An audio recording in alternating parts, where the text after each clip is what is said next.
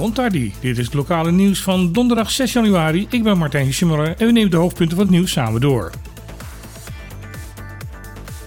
Helaas blijft ook vandaag de uitbraak van COVID de boventoon voeren in het nieuws.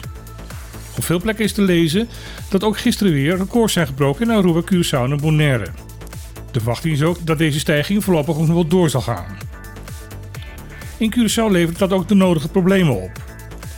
In het ziekenhuis zijn meer dan 100 werknemers op dit moment besmet met corona en kunnen dus niet werken. Met daarnaast ook nog heel veel andere mensen die in quarantaine zitten omdat ze nauw contact hebben gehad met besmette personen. Gelukkig vallen de ziekenhuisopnames ook in Curaçao mee. Er zijn 31 patiënten opgenomen met COVID in het ziekenhuis, waarvan 7 in de IC liggen. Maar door het enorme personeelstekort kan het ziekenhuis alleen nog maar intensieve zorg garanderen voor 10 patiënten. Normaal zou dat 16 patiënten zijn. Daarom is er op dit moment ook nauwelijks plek meer voor gewone IC-patiënten.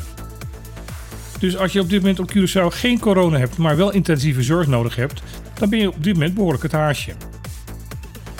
Het CFC zegt daarom ook dat ze met ongeduld zitten te wachten op de komst van 12 man extra personeel. Er is ook aangekondigd dat er vandaag een persconferentie van premier Pisa zal zijn. En de verwachting is dat hij daar nieuwe maatregelen van Curaçao zal gaan afkondigen. Nederland stuurt ondertussen medisch personeel en PCR-machines naar Sint-Eustatius.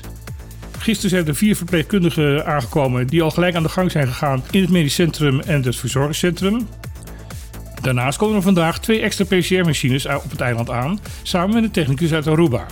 Deze machines zullen worden ingezet voor extra testen, zowel op Sint-Eustatius als Saba. Sint-Eustatius heeft op dit moment de laagste vaccinatiegraad van alle Nederlandse eilanden in het Caribisch gebied.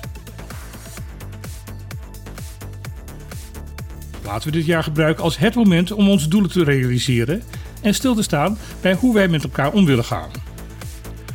Met deze woorden begon gedeputeerde Henderson Tielman zijn nieuwjaarspeech. Het is volgens hem het moment om vooruit te kijken en om je te richten op dromen en met frisse moed en gedrevenheid aan de gestelde doelen te werken. Om die doelen te bereiken zijn volgens hem twee cruciale ingrediënten nodig: een positieve instelling en een goede samenwerking. Tielman zegt dat de laatste tijd veel verdeeldheid binnen de samenleving op Bonaire is en dat via de media ook persoonlijk aanvallen worden gepleegd omdat die persoon anders denkt.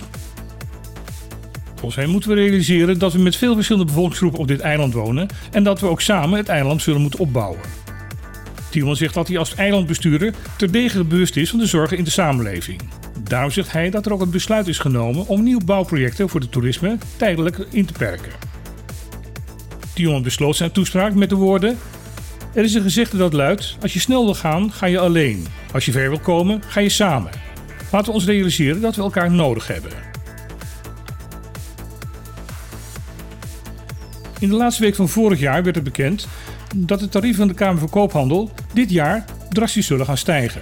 In sommige gevallen is er zelfs sprake van een stijging van 400% Dit heeft tot veel boze reacties geleid bij ondernemers en besturen van stichtingen.